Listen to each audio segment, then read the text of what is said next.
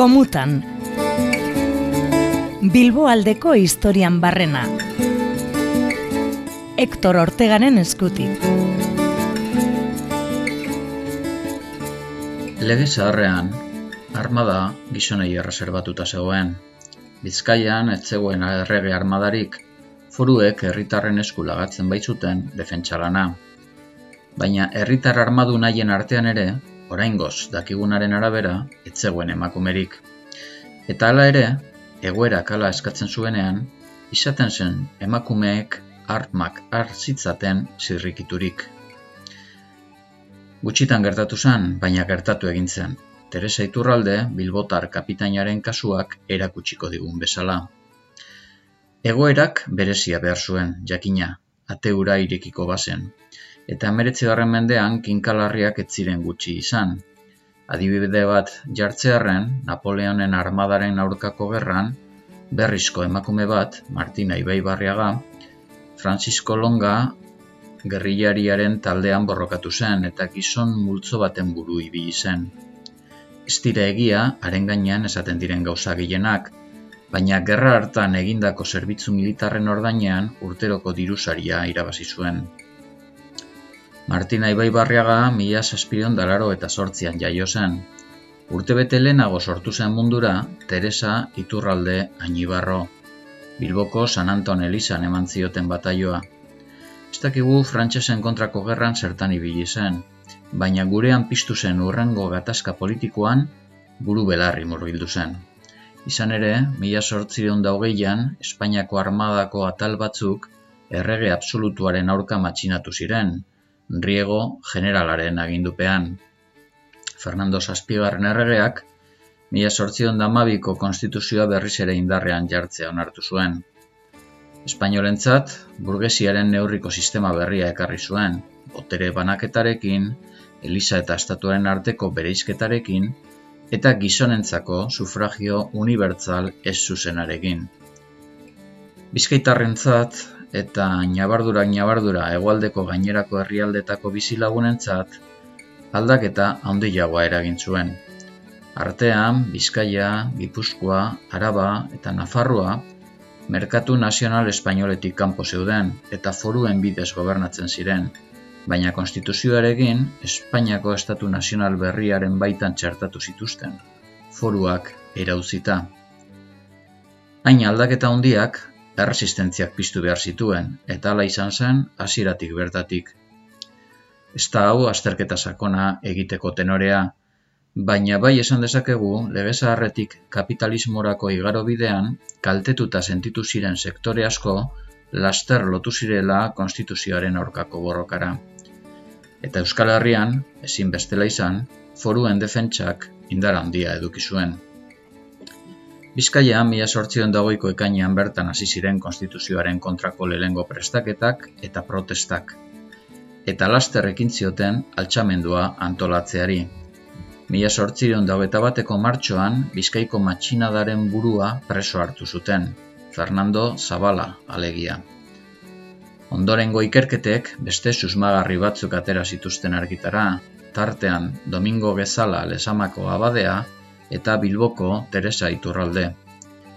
Biak atxilotu zituzten, baita espetxeratu ere. Baina hilabete batzuk geroago, bi horiek askatu egin zituzten, haien kontrako froga nahikorik etzegoelakoan.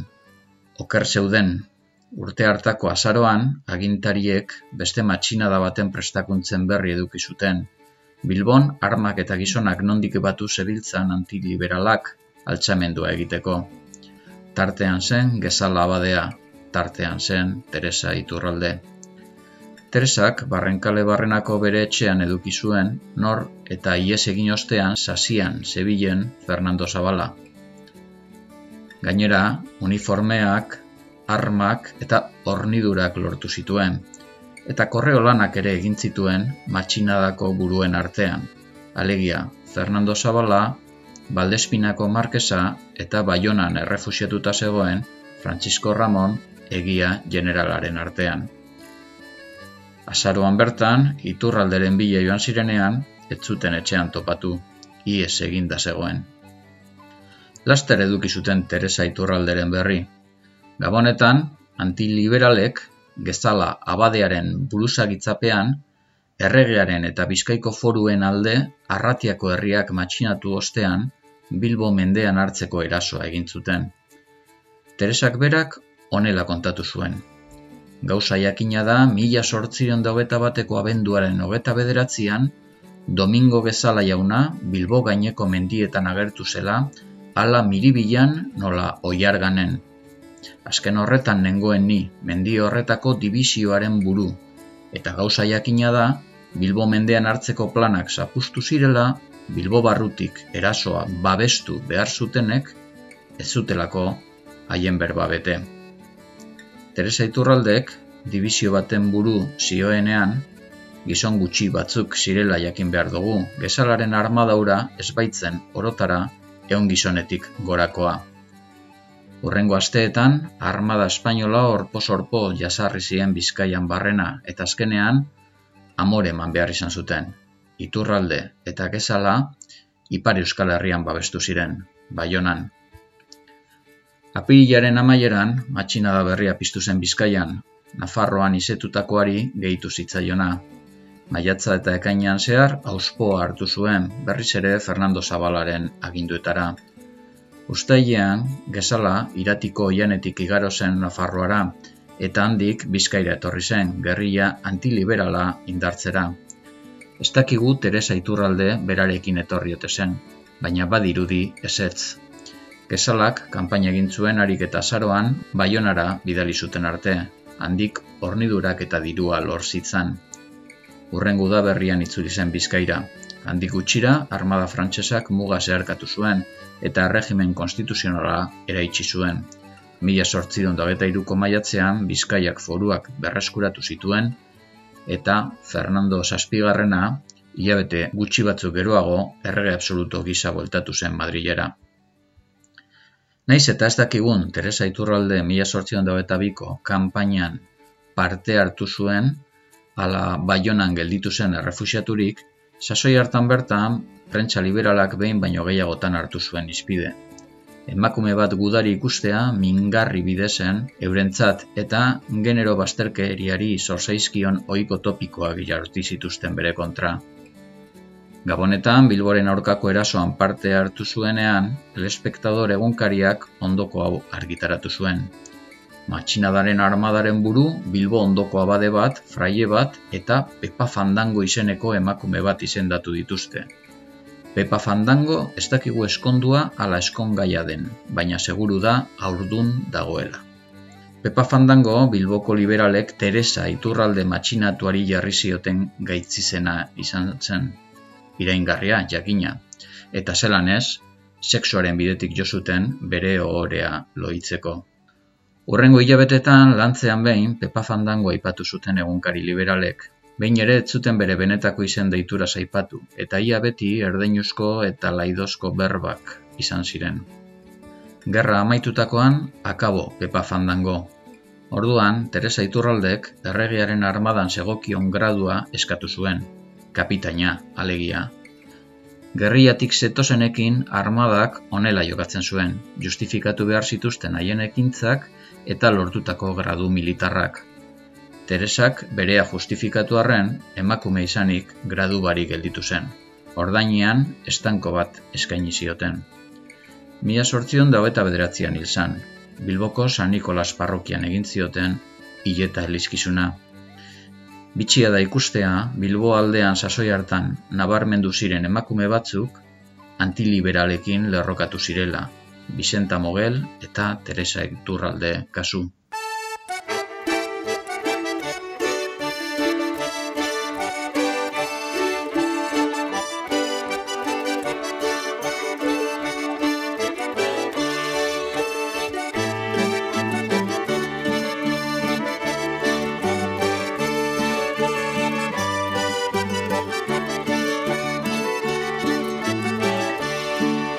Gaztiak kantuan ta zarrak eragusian Hori da pasatzen dana baradi mundu guzian etxetik urten neban, mariatzeko ian, amasei urterekin, neure txora menian, soldadu saratu nintzan, agorraren bostian, kabo edo sargento, izateko guztian.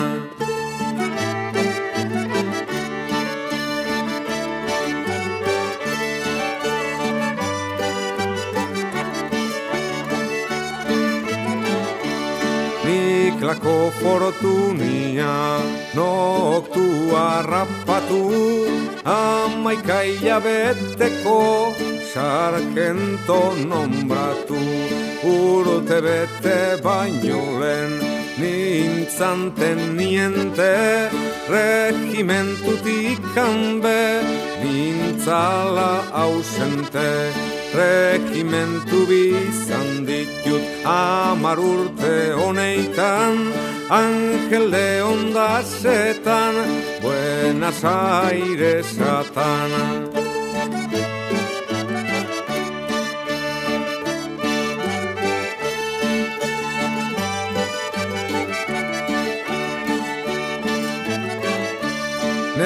Neraute makumia ofizialia letrarik eskolarik bat ere gabia. Agustin Antonio izan da neure izena hori eitu dezutenok ez da neure izena Orain txenda denboria izena muratzeko Agustina Antonia naizela esateko.